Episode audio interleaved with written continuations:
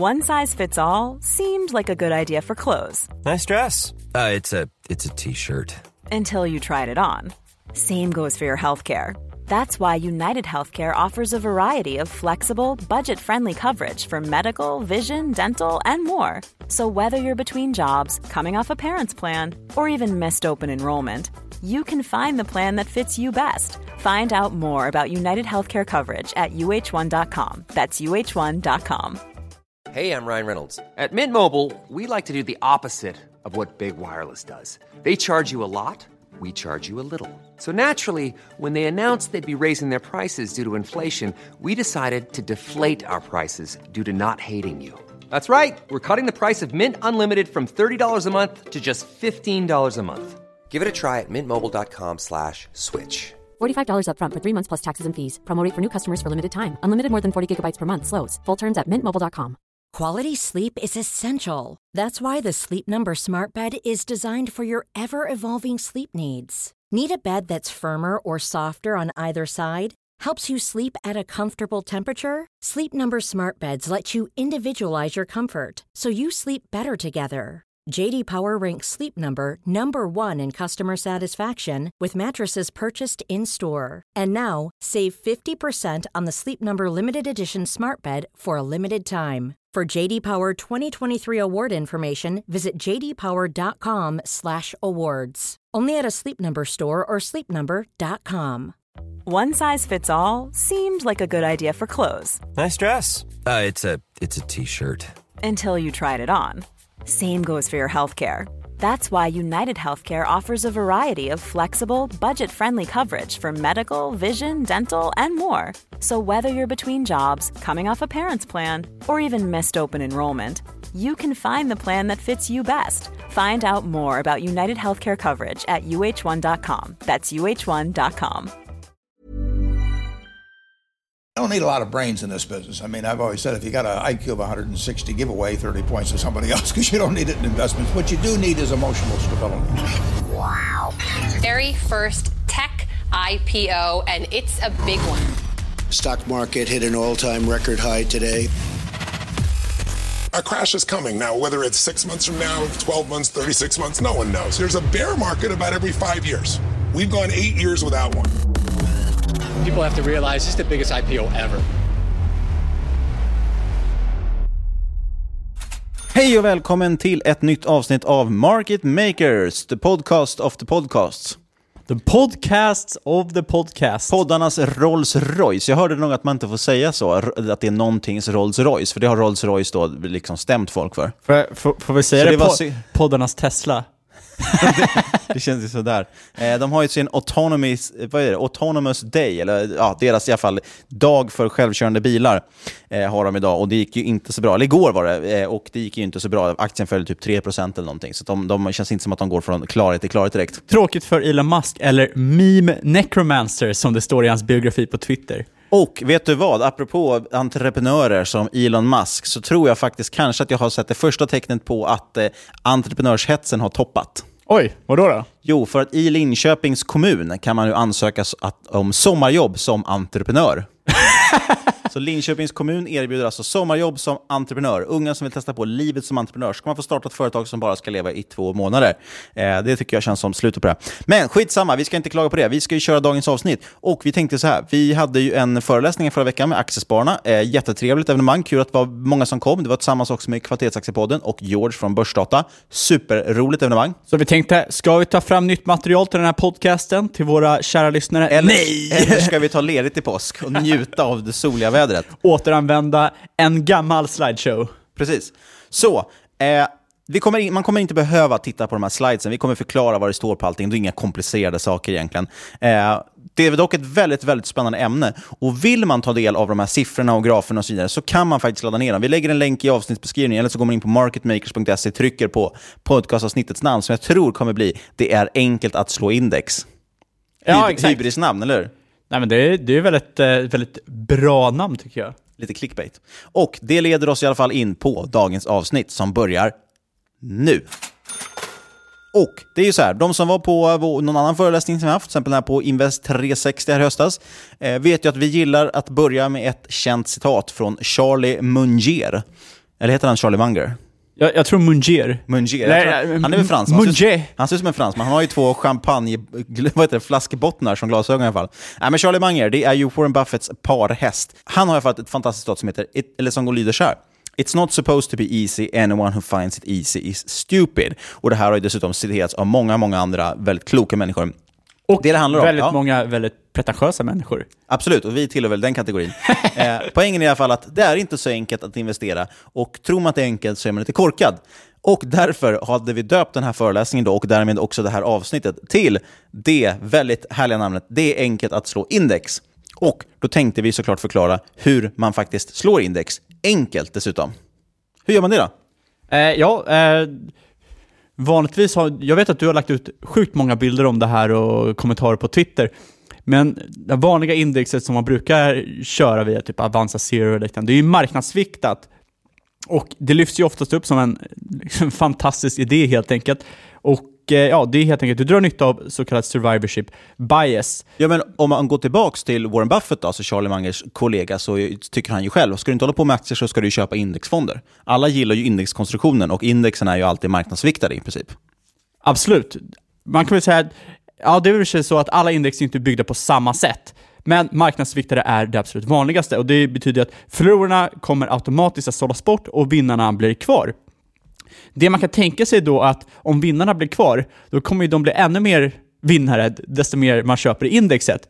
För det blir liksom att indexet, vi säger att H&M är ett jättebra exempel. Du handlar mycket H&M innebär att H&M kommer in i index. Om jag då handlar i indexet, då måste indexet köpa H&M och så går det, blir det en spiral på det. Eh, Man det- kan helt enkelt säga att det som är... Man kan ju vända på Man kan antingen ta den här survivorship bias-grejen, att som du säger, det dåliga sållas ju ut. Man kan också vända på det och säga att ja, men det som är övervärderat kommer ju bli mer övervärderat, för det växer ju och växer. Och det Exakt. som är billigt kommer du få mindre av, så att du köper alltid det dyraste. Ja, och då har vi ju snott lite siffror från Börslabbet. Och det visar ju att Stockholmsbörsen mellan 2001 och 2016 har ju fått en årlig avkastning på 7,7%. Det här kan man ju, alltså det här som vi ska lyfta upp nu kan man ju replikera på andra tidsperioder och så vidare. Det, det stämmer i nästan alla samtliga fall. Exakt, och då är det ju alltså marknadsviktat. Men hade du köpt ett index som är lika viktat, då har du ju dubblat din avkastning och fått 14,9%. Det är ganska galet. Så bara genom att ta, titta på egentligen typ Avanza Zero, köpa alla de 30 bolagen som ingår där, men lika viktiga, om du säger köpa lika mycket varje, då dubblar du din avkastning. Lite beroende på vilken tidshorisont. Jag såg faktiskt senast idag, eh, Meb Faber, den här kända kvantinvesteraren, han la ut någonting om att i åtta av tio årtiondes perioder, alltså han har testat på massa olika historiska perioder, åtta av tio fall så kommer lika viktat att slå eh, vad heter det, marknadsviktat. Då gäller det dock S&P 500, alltså amerikanska indexet, men det spelar ingen roll, det här stämmer eh, generellt på index. Vi tog i alla fall som exempel då på när det kan bli som mest extremt, bara för att förklara den här konstruktionen, eller det här problemen. Eh, tar man eh, OMXS30, alltså Stockholmsbörsen, år 2000, alltså på piken av IT-bubblan, då stod Ericsson för hela 48% av OMXS30. Så nästan halva indexet du fick, om du skulle köpt då, om Avanza Zero hade funnits, om du köpte den så hade du fått hälften av det var Ericsson. Eh, och det här tyder ju då på att du får väldigt mycket övervärderat. Köpte du sedan index på den punkten, jag då tog det faktiskt närmare 15 år att komma tillbaka till samma nivåer. Inkluderar man utdelningen, ja, då tog det ungefär halva tiden, alltså alltså 7-8 år någonting. Eh, och som sagt, det finns massa exempel på det här. Jag vet att eh, Patrick O'Shaughnessy, en annan kvantinvesterare vars far Jim O'Shaughnessy har skrivit boken What Works on Wall Street, eh, som jag tror vi har nämnt i par Jo, det har vi om, om kvantinvesteringar. Han testade att jämföra S&P 500, marknadsviktade indexet, mot att ta enbart ett Eh, ta enbart bolag som börjar på en specifik bokstav, till exempel alla bolag på bokstaven C. Eh, lika viktar dem, och i vilken bokstav man än tog så slog man faktiskt S&P 500. Det är ju lite intressant. Och det här är, lite bara, det här är bara kuriosa. Eh, Niklas Andersson som jobbar på Avanza, som ger ut Avanza Zero. Jag skrev till honom för att fråga, för att han har ju allt, jag orkar inte leta upp hur stor andel av OMX30 Ericsson stod för. Så jag tänkte, jag skriver till honom, han har nämnt en siffra många gånger. Jag tror det tog två sekunder efter jag skrev frågan så fick jag ett svar, 48%. Men det är väldigt skönt att ha så här personligt Google. Ja, verkligen. Det är helt galet. Han hade Wikipedia i huvudet.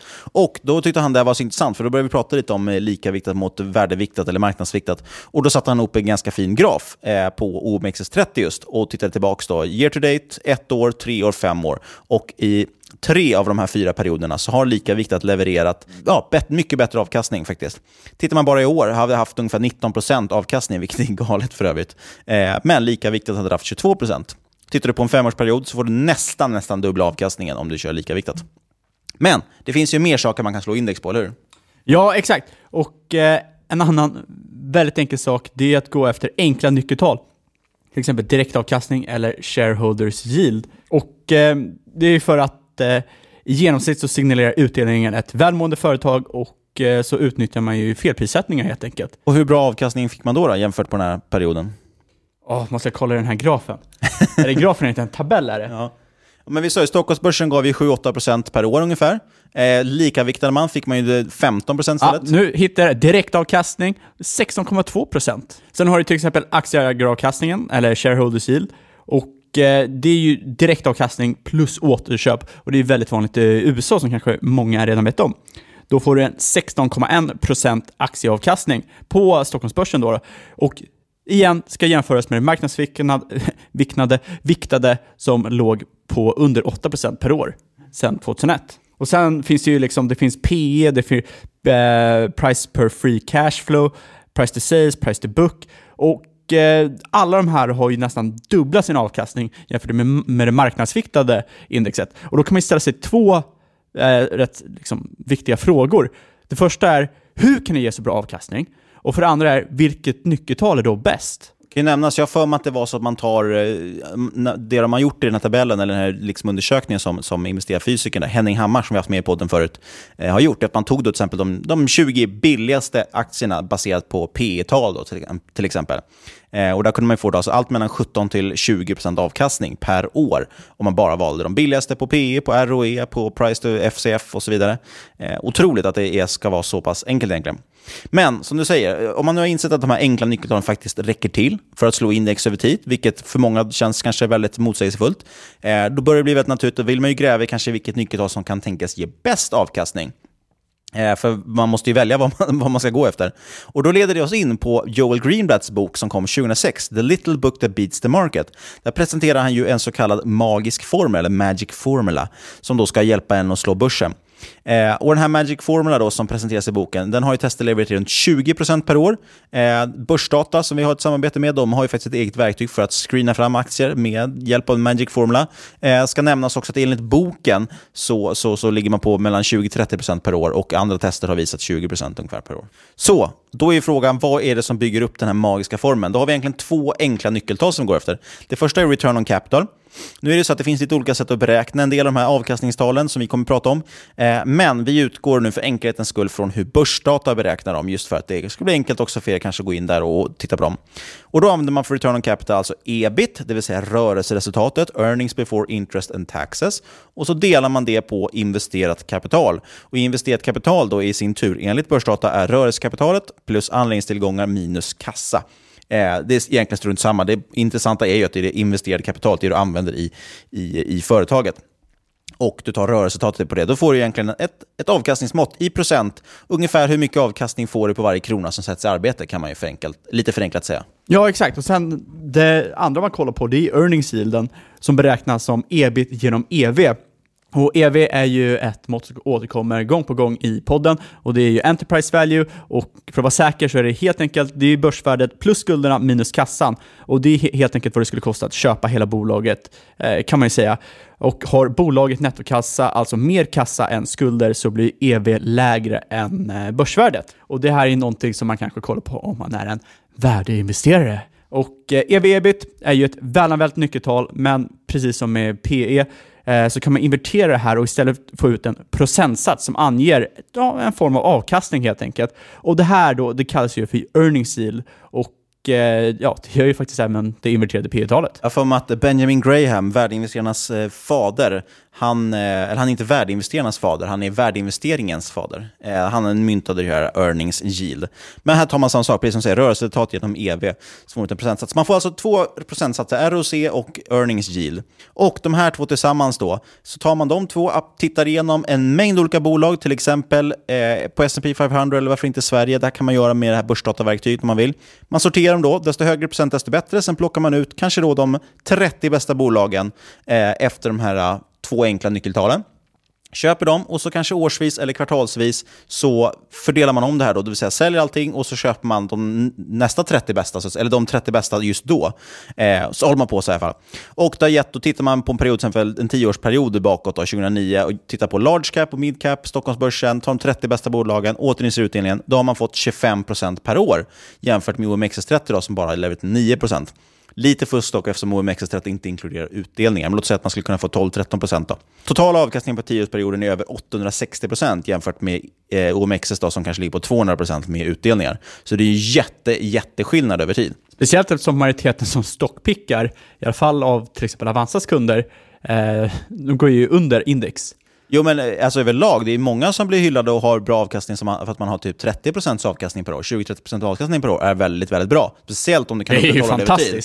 Men om du skulle kunna göra det med att lägga ner en timme om året på att vikta om dina aktier och bara trycka på en knapp och sortera ut dem. Jag, vet, jag, jag tycker faktiskt själv, det har vi pratat väldigt mycket om, du och jag, att det är lite svårt att motivera själv varför man sitter och gör det här.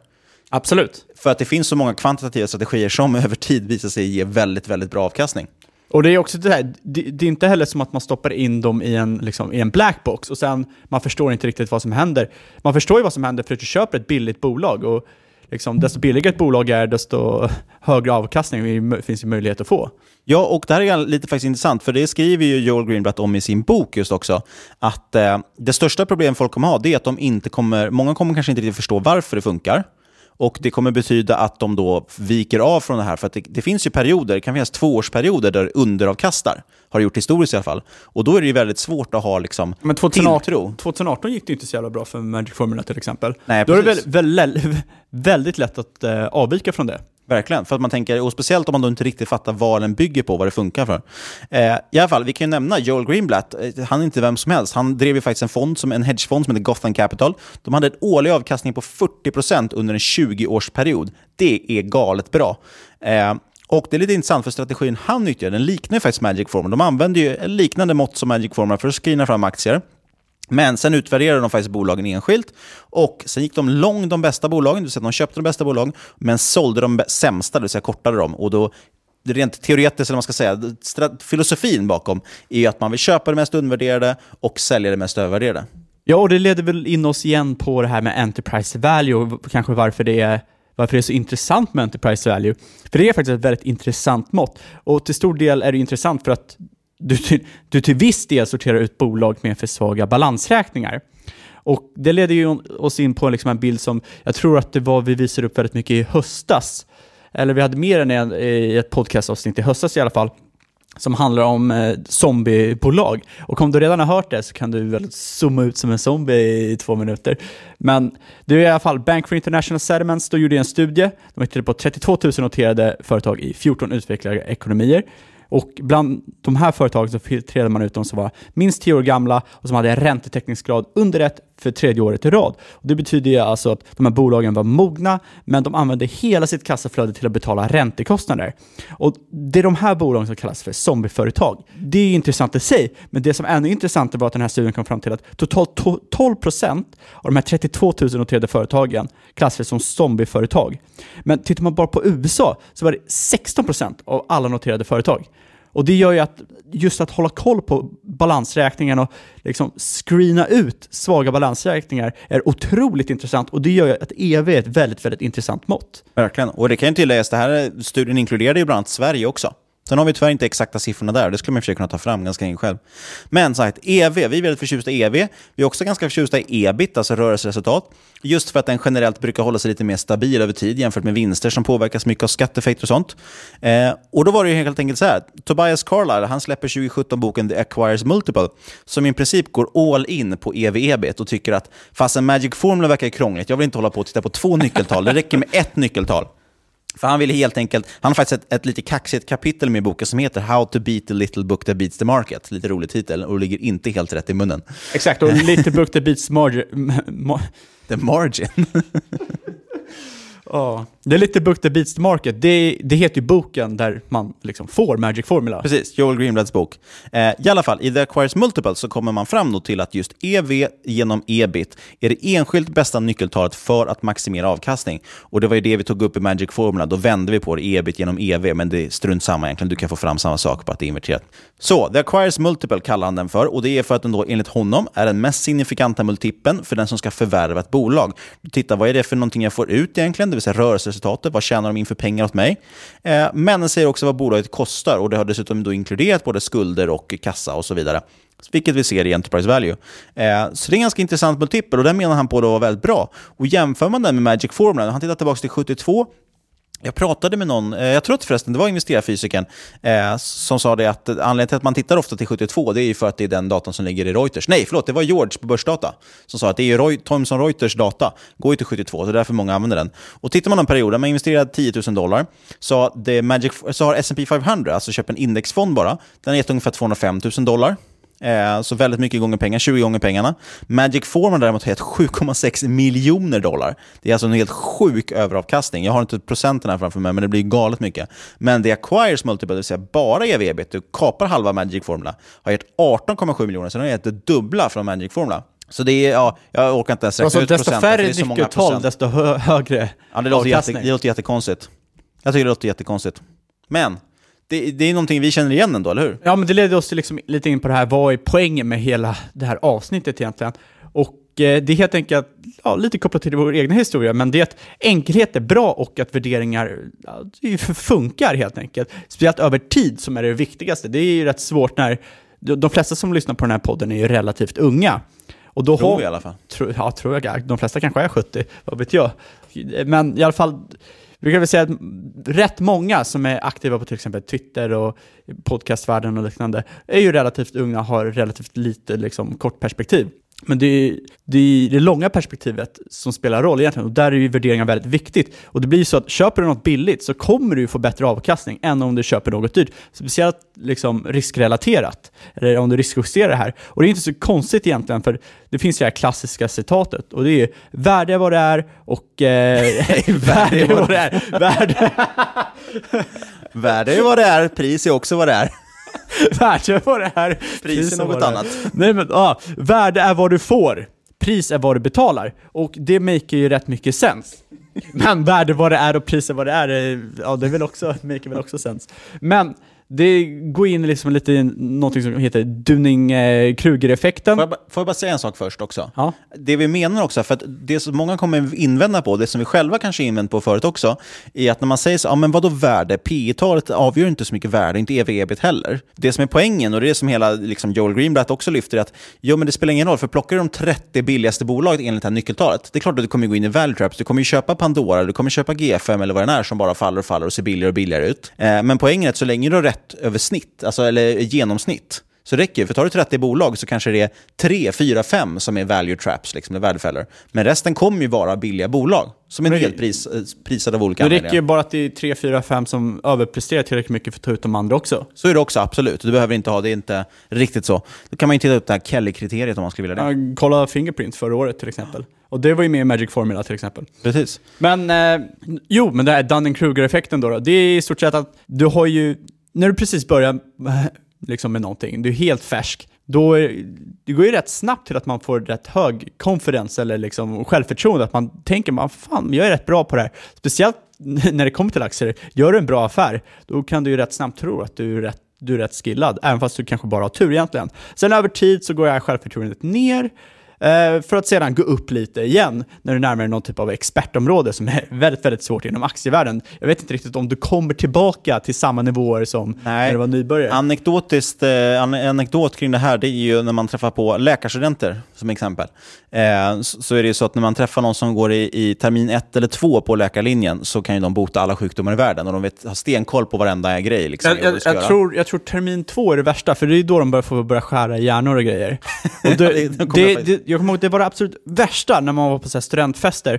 Och eh, så bara, ja men Fabian, vad gör du för någonting? Och man bara, ja men jag hade tenta i flervariabelanalysen. Och så bara, öh nörd, jag skar i en hjärna idag liksom. Och så står de där och röker liksom. Och bara, ja jag vet. Poängen i alla fall var att då visste man allting. Och sen så såg man för varje termin som de gick så visste de mindre och mindre. Och går du en överläkare så vet de absolut ingenting.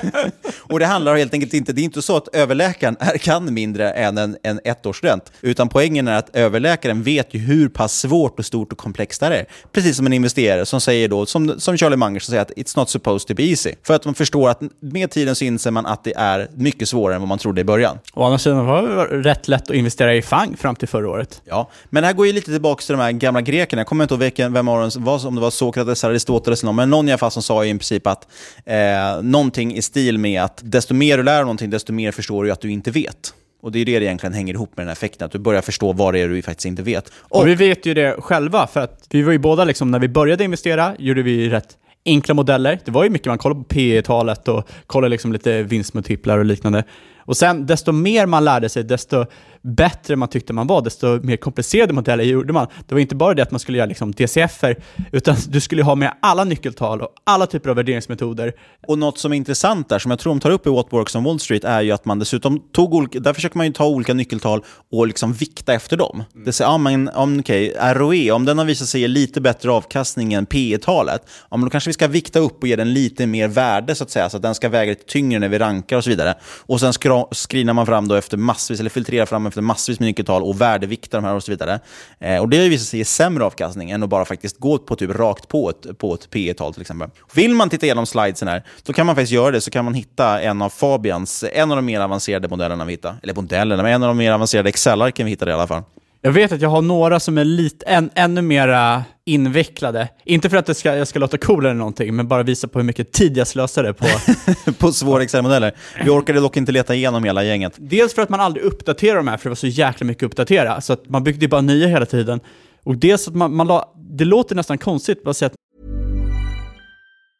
Hey, I'm Ryan Reynolds. Recently, I asked Mint Mobile's legal team if big wireless companies are allowed to raise prices due to inflation. They said yes. And then when I asked if raising prices technically violates those onerous two-year contracts, they said, "What the f*** are you talking about? You insane Hollywood ass." So to recap, we're cutting the price of Mint Unlimited from $30 a month to just $15 a month. Give it a try at mintmobile.com slash switch. $45 up front for three months plus taxes and fees. Promoting for new customers for limited time. Unlimited more than 40 gigabytes per month. Slows. Full terms at mintmobile.com. Hi, I'm Daniel, founder of Pretty Litter. Cats and cat owners deserve better than any old-fashioned litter. That's why I teamed up with scientists and veterinarians to create Pretty Litter. Its innovative crystal formula has superior odor control and weighs up to 80% less than clay litter. Pretty Litter even monitors health by changing colors to help detect early signs of potential illness. It's the world's smartest kitty litter. Go to prettylitter.com and use code ACAST for 20% off your first order and a free cat toy. Terms and conditions apply. See site for details. Here's a cool fact a crocodile can't stick out its tongue. Another cool fact you can get short term health insurance for a month or just under a year in some states. United Healthcare short term insurance plans are designed for people who are between jobs, coming off their parents' plan, or turning a side hustle into a full time gig. Underwritten by Golden Rule Insurance Company, they offer flexible, budget friendly coverage with access to a nationwide network of doctors and hospitals. Get more cool facts about United Healthcare short term plans at uh1.com. Quality sleep is essential. That's why the Sleep Number Smart Bed is designed for your ever evolving sleep needs. Need a bed that's firmer or softer on either side? Helps you sleep at a comfortable temperature? Sleep Number Smart Beds let you individualize your comfort so you sleep better together. JD Power ranks Sleep Number number 1 in customer satisfaction with mattresses purchased in-store. And now, save 50% on the Sleep Number limited edition Smart Bed for a limited time. For JD Power 2023 award information, visit jdpower.com/awards. Only at a Sleep Number store or sleepnumber.com. There's never been a faster or easier way to start your weight loss journey than with PlushCare. PlushCare accepts most insurance plans and gives you online access to board-certified physicians who can prescribe FDA-approved weight loss medications like Wigovi and Zepbound for those who qualify. Take charge of your health and speak with a board-certified physician about a weight loss plan that's right for you. Get started today at plushcare.com slash weight loss. That's plushcare.com slash weight loss. plushcare.com slash weight loss. Man la för mycket tid på research, men man la för mycket tid på fel typ av research. Precis, istället för att förstå bolagen och verkligen förstå hur de fungerade så la man väldigt mycket tid på att titta på siffrorna. Eller på fel siffror framförallt också. Fel, alltså, det var väl snarare det att det gav dig egentligen ingen förståelse. Du inbillade dig att det är jättebra att kolla på inventory, eh, inventory turnover samtidigt som jag har stenkoll på eh, return on invested capital, ah, bla bla bla, bla, allting. För att man har läst där är det bästa nyckeltal och det är bästa nyckeltal att hålla koll på. Vidare. Men i slutändan, har du för mycket att hålla koll på, det är, lika, det är samma grej som att inte ha någonting att hålla koll på. Det säger ingenting. Och det är det vi kommer igen till, här, det är därför jag tar upp det Dunning-Kruger-effekten, för man kommer igen i det här. Så vi börjar med väldigt enkla modeller, sen gled man över till väldigt, väldigt svårt, gjorde det väldigt svårt för sig själv, och det gav ju inte bättre avkastning. Och sen känns det som efter tid, nu ska ju inte vi påstå att vi är några experter på något sätt, men efter tid så går man ju mer och mer tillbaka till det enkla. Titta på vad gör bolagen för någonting och, och hålla sig till ganska enkla multiplar. Det, räcker, multiplar, det räcker ganska långt. Och ska man göra det här väldigt, väldigt konkret så är det helt enkelt så att värderingar funkar. Eh, vi har inkluderat också en, en till graf här från Börslabbet, egentligen liknande den här tabellen vi hade i början. Det är samma typ av samma data, men där man faktiskt ser också grafform just hur börsen har gått jämfört med till exempel, ta de 30 billigaste eh, aktierna baserat på price to book, eller price to equity, eh, förlåt, inte price to equity, price to earnings, eh, det vill säga P talet eller direktavkastning. Så enkla nyckeltal ger otroligt mycket mer. Det ger väl fyra gånger avkastning liksom på, på en tioårsperiod. Någonting. Så det är, det är väldigt, väldigt stor skillnad i alla fall. Och varför det här funkar? Jo, det är helt enkelt för att marknaden går faktiskt väldigt långsamt. I slutändan är det fundamenten som tuggar på där i bakgrunden. Om bolaget ökar sin vinst, ja då kommer också aktiepriser följa med. Men vi märker inte det, för det går så himla fort dagligen när det svänger fram och tillbaka. Så man tror att det går väldigt mycket fort, för det är nyheter hit och dit och vi tror på någon, någon ny trend och någon ny artikel. Eh, men Tar man det lite lugnt, backar bakåt och tittar på den stora bilden så tar det faktiskt lång tid för saker att spela ut. Och därför funkar faktiskt även makro som många klankar ner på. Eh, men också värderingar på bolag, väldigt enkla värderingsmultiplar. Och då tog vi lite som ett exempel, tog vi ett, ett slumpmässigt, vi tog ett Buffett-bolag eftersom alla gillar Buffett och vi tog ett bolag på bokstaven C eftersom vi sa att C nämnde vi tidigare med, med Patrick O'Shaughnessy och. Eh, så vi tog Coca-Cola. Så tittar man på 52 veckors högsta och 52 veckors lägsta kurs, det vill säga lägsta och högsta aktiekurs på ett års tid tillbaks. Eh, Fabian, vad, vad gick de emellan? Hur stor skillnad är det? Ja, om det är någon som skulle kunna gissa på det här så hade de fått en eh, guldstjärna. Men 52 veckors högsta, 299 dollar och 88 cent. Avrundat till 300? Ja, om, om, man vill vara en sån. Och 52 veckors lägsta är 128 dollar och 8 cent. Och det är alltså en skillnad på topp till botten på 134 procent. Och frågan då, som man kan ställa sig själv och ganska snabbt svara på, det är skillna, skilde sig också Coca-Colas vinst 134 procent på ett års tid mellan de här två punkterna? Det gjorde de ju inte. Så att om du plockade upp den på den här tiden när den kostade 128 dollar, ja, då gjorde du antagligen en ganska bra affär. För att de senare kommer komma tillbaka, så att säga. Hindsight men, is 2020, som man brukar säga. Jo, men hade du då plockat 30 bolag som, var, som såg billiga ut precis vid det tillfället, så hade du antagligen gjort en bra affär också. Absolut.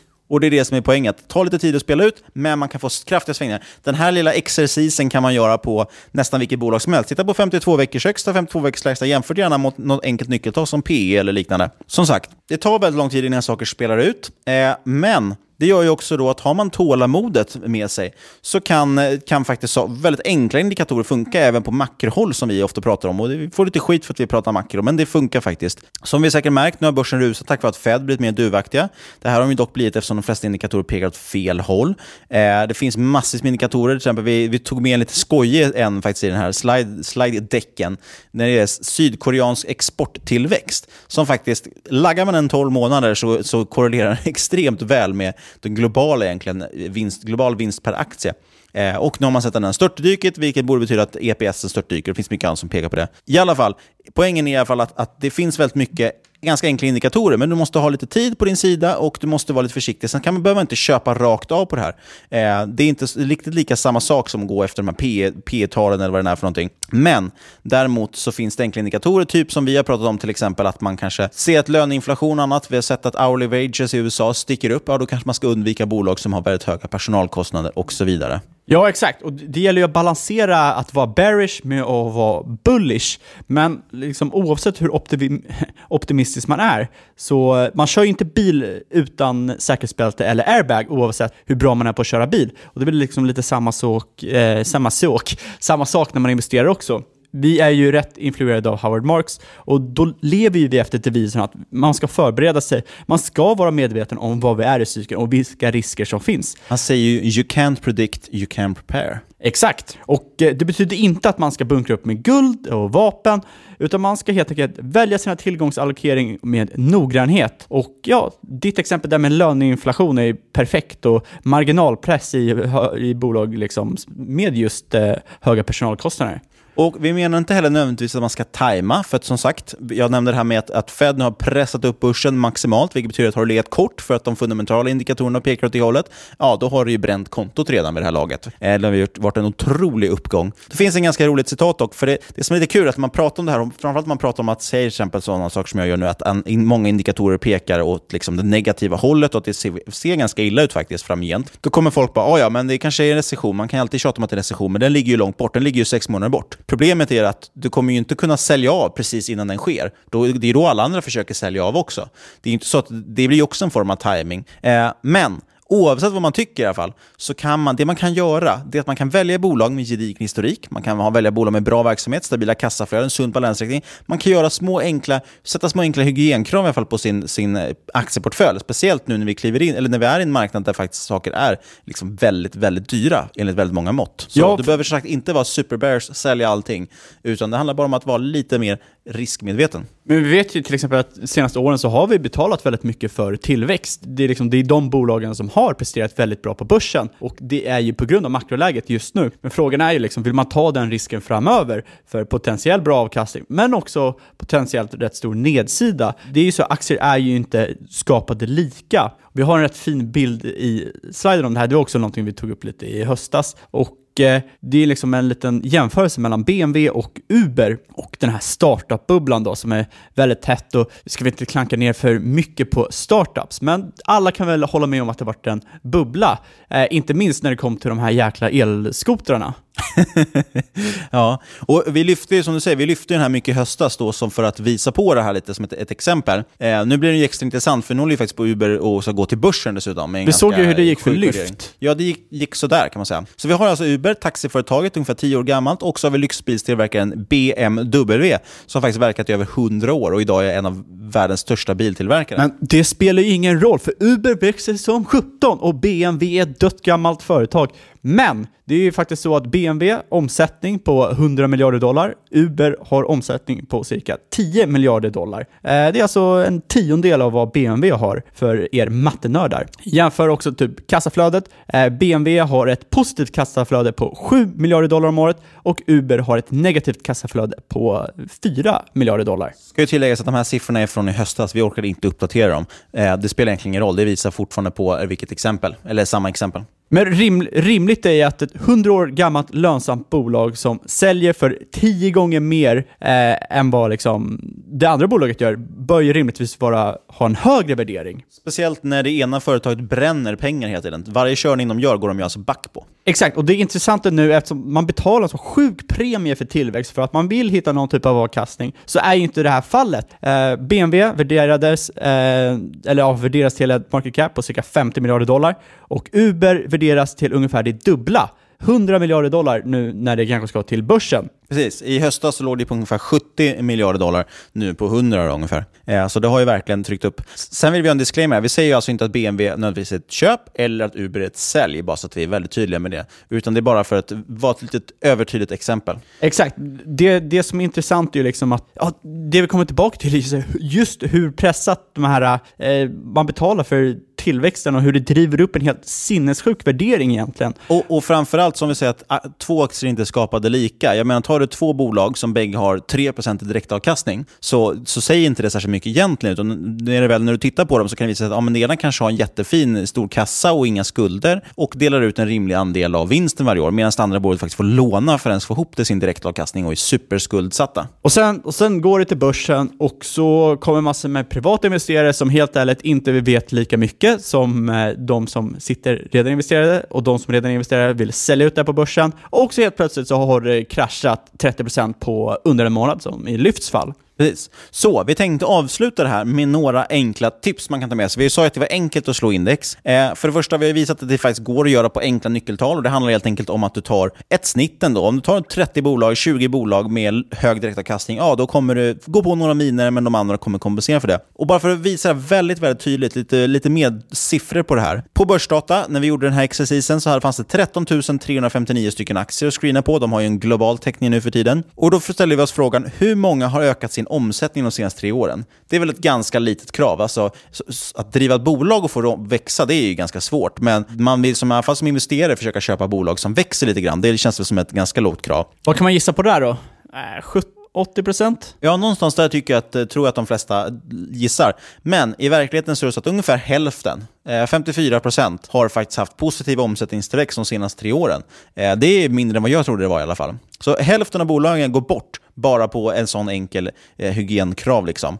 Av dem dessutom, av de 50% då som har eh, levererat positiv omsättningstillväxt de senaste tre åren, så går det faktiskt bara eh, två tredjedelar ungefär med vinst. Så en tredjedel till försvinner iväg där med förlust. Och som sagt, och vi kan vara övertydliga här med att det är klart att det finns undantagsfall där det är motiverat att ta in bolag som faller ur den här normen. Men vi ville skicka med några enkla knep. Börja med att ställa i alla fall enkla små hygienkrav man kan då applicera på sina portföljbolag. Liksom. Kolla så att de går med vinst. Kolla så att de faktiskt växer någonting. Så bara där har du gjort det väldigt mycket enklare i ditt liv. Nästa sånt superenkla knep, den här skickade jag ut på Twitter någon gång.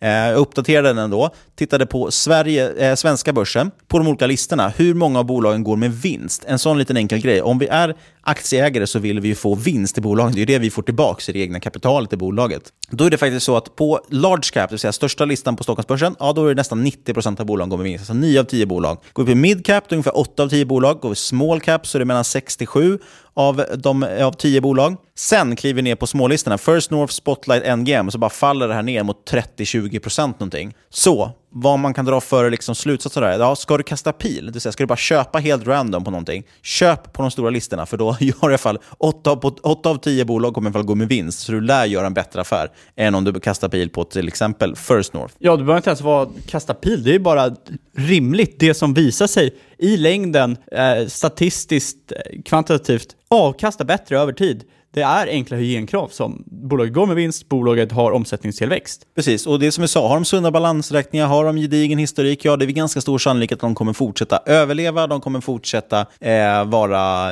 fortsätta leverera vinst helt enkelt. Sen kanske du inte kan få riktigt lika fenomenal avkastning som andra, men å andra sidan, med några enkla nyckeltal så har vi visat att man kan slå index ganska enkelt också. Det gäller bara att våga. Jag har tro på det framförallt. men Niklas, om det är så enkelt att slå index, varför gör inte alla det? Det är väl stenhård konkurrens? Mm, är det det? Ja, det är det väl? Ja, det är det faktiskt. Vi sa ju att det inte var enkelt. Men, det, vad, vad är det man brukar säga? Det är, det är lätt, men det är inte enkelt. Brukar man säga så? Man jag har aldrig sagt så. Nej, det är inte jag heller, men jag har hört det någon gång. som man pratar om. Nej, men poängen är att det, det, du konkurrerar egentligen med två stora liksom, delar. Du har institutionella investerare och du har privata investerare. Tittar på de institutionella investerarna så har de faktiskt eh, vissa begränsningar som inte du behöver ta hänsyn till. Det här har folk tjatat om mycket. Och det är ju såklart att de begränsas av storlek, de har mycket större pengar på sig, de måste köpa större bolag. Eh, det är bara att kolla på Warren Buffett som många pratar om att han har försämrat sin avkastning, har väldigt stor kassa. Det är svårt att hitta billiga case som har så mycket pengar. Men något som pratar lite mindre om det är det här med karriärrisk. Kan du beskriva det Fabian? Ja, helt enkelt. Alla jämför sig med index. Du gör det, jag gör det, men folk gör även det med fonder. Eh, och folk kan ju säga, ja men jag jämför med det här jämförelseindexet de har. Det är bullshit. Alla jämför med liksom, om du bor i Sverige, då jämför du med 630, eh, eh, helt enkelt. OMXS30 med utdelningar. Och det gör ju att du vill inte avvika för mycket från det om du är en fondförvaltare. Speciellt om du eh, liksom köper aktier. För det kommer innebära att folk lämnar fonden. Så du kommer mer och mer gå som index. Och framförallt, alltså ska du avvika från börsen generellt, eller avvika från index, då måste du också avvika från de andra placeringarna. Man brukar prata om det contrat, att man måste ta andra case. Liksom. Eh, och gör det, ja, då kommer du också behöva försvara dem. Du kommer behöva, behöva försvara dem för kollegor, eh, för branschkonkurrenter och kollegor, kommer behöva försvara dem för din chef och så vidare. Och tar du något riktigt konstigt bett, säger till exempel att H&M, H&M kommer inte gå något bra tror du. För några år sedan, då, då fick du ju sparken i princip om du trodde något så dumt. Jag har sett en, det finns en rätt bra bild. Och det är ingen som vill ta i H&M? Nej, så är det ju. Det är helt omöjligt. Eh, vilket är, ja, jag vet inte. Men i alla fall just det här med bra institutionella investerare. Man har ju alla hört talas om den här legendaren, le, legendaren, legendarerna, typ Warren Buffett, du har Soros, du, ja, Peter Lynch, whatever.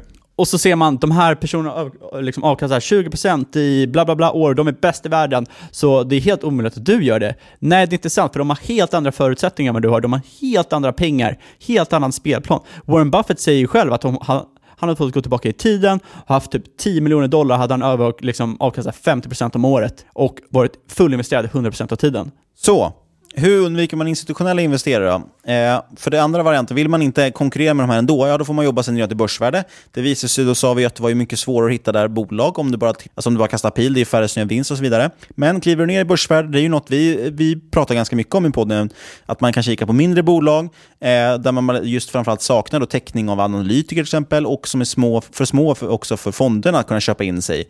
Eh, då blir det lite mer vilda västern, det går att hitta lite mer värdecase i alla fall, eftersom det är färre som kollar. Men Ändå konkurrerar kanske istället med privata investerare. Men ska man vara väldigt krass, ja nivån är ju generellt ganska låg, vilket är inte är så konstigt. Det gör man inte på heltid så har man inte helt enkelt lika mycket tid att lära sig. Eh, så spelplanen är i alla fall mycket mer jämn. Och orkar du lägga tid, vi spelar ju på samma för, med samma förutsättningar, så orkar du lägga tid här, ja då kan du faktiskt hitta en edge. Och, och jag tror att det är här man kan hitta mest värde för pengarna. Eh, men som sagt, det finns ju väldigt enkla nyckeltal vi visar som kan ge bra värde ändå. Eller avkastning ska jag säga, förlåt. Sist men inte minst så får man inte glömma, det är många som snackar om att börsen är ett nollsummespel, men det är inte ett nollsummespel, oavsett hur många liksom som försöker övertyga er om att det är det. Att det är något form av lotteri. Exakt, och det är det som, vi har pratat mycket om det här att börsen hade varit mycket mer tillgängligt för liksom varje svensk om man inte såg trissreklam överallt. För då får man in det här mindseten om all or nothing gambling. Att du lägger 25 spänn, ja, antingen förlorar du hela slanten eller så vinner du det dubbla. Och det är inte det börsen är. Du köper ett bolag som producerar saker åt dig. Så köper jag en aktie för 100 spänn och säljer den till Niklas för 130 spänn och sen går den upp till 160 spänn. Ja, visst, det är ju folk som kommer säga att jag förlorar på det, men jag har inte gjort det. Jag har ju tjänat 30 prosse. Du har tjänat 30 kronor, jag har tjänat 30 kronor. Vi är ju bägge nöjda. Men vi kanske hade olika tidshorisont, eh, olika, olika riskprofiler. Precis. Exakt. Så att, helt och, enkelt, det är inte ett nollsummespel. Nej, och i grund och botten, så, som vi sagt, det är fundamenta som driver på det. Så om bolaget tjänar 30% mer, eh, liksom, gör 30% mer vinst nästa år, ja då ska ju priset upp liksom allt annat lika. Så det är, då kan vi faktiskt vara överens om att det ska vara dyrare. Så det är inte så att, bara för att du liksom blir, eh, det är inte så att om du köper någonting och jag säljer någonting så måste någon av oss förlora. Så. Det känns som vi har gått igenom väldigt mycket i den här podden. Eh, först lite kvantitativt, sen bästa nyckeltalen, sen gör det väldigt enkelt för dig själv och nu lite Alltså vi hoppar ju väldigt fram och tillbaka, och vissa saker kanske låter lite motsägelsefulla. Poängen är att det finns väldigt många olika sätt att tjäna pengar på börsen och det viktigaste är att hitta någonting som passar dig. Gillar du kvantitativa investeringar bara, du vill lägga ner en timme om året, sortera fram på lägsta nyckeltal eller en magic formel eller någonting kör på det, men du måste också förstå varför du gör det och hur man gör det och sen göra det och verkligen leva efter det. Eh, eller så skulle du leta, liksom leta värde och då tycker vi att ett bra sätt ja, men det går in kanske på smålistorna, ner i börsvärde, eh, men ta, sätt enkla hygienkrav då som sagt. Sortera ut de bolagen som faktiskt visar vinst till exempel. Ja, då har du sorterat ut 80% av bolagen på First North och Spotlight, vilket gör att du har ganska mycket mindre kvar att analysera. Det orkar man ta sig igenom, hitta bolag som är bra. Orkar man inte leta fram dem själv, ja då får man väl eh, lyssna på vår podd, så kommer vi med massa bra aktiecase hela tiden, tycker jag. Och framförallt så ska man inte göra ett väldigt stort misstag att eh, liksom hamna i det här, eh, per, vad heter det, analysis paralysis. Att du tar fram för mycket information och du vet inte vad du ska göra av liksom, den här informationen, så det slutar med att du inte agerar på någonting. Och det är väl någonting som väldigt många känner kanske igen sig eh, för att de har haft ett case, men de har inte varit säkra, de vet inte liksom, hur de ska Liksom, de, får inte, de kan inte exakt allting. Och så slutar det med att de inte agerar. De säger inte ja eller nej, utan det bara ligger där. Och eh, i slutändan har det gått tre år och du är jävligt missnöjd med att du aldrig agerade på det caset. Oavsett om det var köp eller sälj. Och oavsett vad din analys kommer fram till så är det inte en trisslott. Gör inte som de flesta gör om man tittar på placera forum och annat och tro att man kan investera vilket skit som helst och hoppas på det bästa. Ja, du, är så jäk... du har tagit fram riktigt många bra screens därifrån. Um, ja, de är tyvärr inte med i, i vi, vi valde att inte ta med dem i den här slidesen för att inte folk kanske blir eh, kränkta eller någonting om det är någon som har skrivit någonting. Ja, jag såg något bra på en, eh, eh, inte, inte om trisslotter, men just att liksom allmänkunskapen ibland kan vara lite bristande. Det var från ett, eh, det finns ju en amerikansk app som heter Robin Hood och eh, då var det på deras forum, jag var det på Reddit eller någonting, så hade någon lagt upp och frågat om de kunde få sin money back om aktien gick dåligt. Öppet köp. Öppet köp. jag tyckte det var fantastiskt kul. Det har varit en bra funktion. Den är helt klart bättre än stopplossar. Men vi har ju faktiskt, jag tänkte fråga dig Niklas, vi har ju faktiskt med fyra böcker i den här äh, presentationen till Aktiespararen. Ska vi bara slänga ut oss dem ifall det är någon som är intresserad, eller ska vi klippa vidare till eh, outro. Du kan ju inte säga så och sen inte nämna böckerna, då kommer någon förbannad. Vi tar dem jättefort, för nu börjar vi faktiskt få lite ont om tid känns det som. Eh, vi har med Joel Greenblatt såklart, Little Book That Beats the Market, som vi har pratat om, Magic-formlerna. Den är väldigt bra, inte bara för den här magiska formeln, utan för den förklarar ju nyckeltalen vad som gör en good business, alltså vad gör ett företag bra, vad är det du ska titta efter, hur visar ser man att de tjänar pengar och så. Det är en bra bok för att lära sig ändå lite enkelt värdera aktier. Exakt, och det leder ju oss in på One Up on Wall Street med Peter Lynch. Också en väldigt bra basic bok. Eh, du lär dig i stort sett allting du behöver för att komma igång. Det var något som jag tyckte var väldigt jobbigt i början. Jag visste inte vilka böcker jag skulle läsa. Då, folk rekommenderar alltid Benjamin Graham, och någon som läst Den Benjamin. Graham vet hur jävla tråkig den är att läsa. Eller liknande. Eh, Claes Eklunds böcker och liknande. Det är ju sjukt dåligt intro att läsa sådana böcker. Du behöver något som är lätt, något som är kul och en kille som rekar Toys R Us som bästa företaget någonsin. Eh, och det är Peter Lynch. Precis. Sen nämnde vi ju Jim O'Shaughnessy och även Jim O'Shaughnessy och hans son Patrick O'Shaughnessy. Eh, Jim O'Shaughnessy har skrivit boken eh, What Works on Wall Street som faktiskt djupdyker, om man tycker det är intressant, i de här nyckeltalen. Vilka nyckeltal som gett vilken eh, historisk avkastning, hur man kan kombinera på olika sätt. Han kommer dessutom in på det momentum och gör då ibland liksom en, en strategi som heter trendande värde som är väldigt populärt. Man Exakt, och de driver ju liksom... tittar både på momentum och eh, på värde. Då. De kör ju själva kvantitativa strategier i sin fond och det här är ju väldigt intressant för både du och jag är lite intresserade av kvantitativt, även om vi kör mycket stockpicking också. Och eh, ja, det är helt enkelt strategier som är sjukt intressanta och man lär sig väldigt mycket. Väldigt mycket historia och fakta. Ja, men precis som med magiska formen där. Som sagt, oavsett om du följer den inte så lär du dig väldigt mycket om vad nyckeltalen egentligen betyder och hur de kan hjälpa dig. Oavsett om du sen kommer nyttja dem bara rakt av blint eller inte. Sist men inte minst, det måste vara den mest, eh, inte överskattade ska jag inte säga, men mest hypade boken. Det är ett mycket bättre ord. Och det är ju The Most Important Thing av Howard Marks. För där kan du läsa om bland annat risk och massor med andra väldigt most important things. Ja, och den tycker jag att alla som håller på med investering ska läsa. Men man ska inte läsa den som sin första bok. Nej, den är faktiskt bättre att ha som en liksom liten... Du Först kanske... ska man komma in i det, bli lite glad i hågen, lite optimistisk. Sen kan man ta in den för att lära sig lite också om vad riskerna kan vara med Men jag, jag, förstå jag, jag, jag tycker inte det är så här att, inte för att det är så svårt att ta till Nej, nej, sig, nej, utan men det är, så- det är snarare att du behöver, exakt, men du, du behöver någonting att reflektera på hur du själv har agerat. Precis. Helt bra sammanfattat. Nu tycker jag att vi summerar ihop där. Ja, det, du har ju precis summerat ihop det innan vi Ja, men snackar. nu tycker jag vi avslutar det här då. Ja, men det blir jättebra. Ursäkta att jag valde fel ord. Ja, vi ses i, in, äh, i outrot, kära lyssnare. Och plötsligt befann vi oss i ett outro i en podcast. I det land vi kallar Sverige, om det är där du sitter när du lyssnar.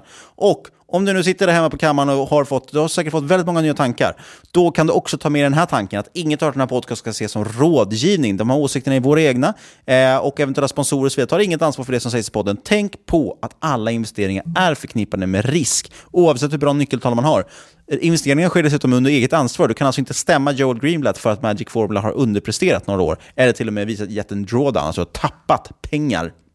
Men som sagt, får jättegärna kontakta oss och eh, vi finns ju på e-mail och vi finns på Twitter. Podcast at marketmakers.se eller varför inte på Twitter då, at marketmakerspod, podd med ett D. Eller snabel Franzén Fabian på Twitter. Niklas har ju ingen Twitter så... Nej, det är ju så. Ja. Men en Jag dag har blivit kanske. bannad av Elon Musk. Ja. Nej, det har jag inte alls. Meme Necromancer som sagt. Lämna jättegärna recension på valfri plattform, kanske iTunes, eller varför inte? Vi, blir, vi kollar ju ändå inte där, men det ska vara bra för rankingen. Alla andra poddar säger så. Men vi blir mycket gladare om du skriver på Twitter, om du taggar åt at marketmainpodd, så skriver du shit, det här var ett bra avsnitt. Då blir Det- vi glada. Det är ungefär så vi brukar bedöma om ett avsnitt har varit lyckat eller inte. Hur mycket folk kommenterar på avsnittet. Ja, även om det mest är arga kommentarer. Nej, jag skojar. Men sist men absolut inte minst, stort tack kära lyssnare för att du har lyssnat. Vi hörs faktiskt igen om en vecka med ytterligare ett intressant avsnitt. Ja, det får man hoppas. Ha det bra!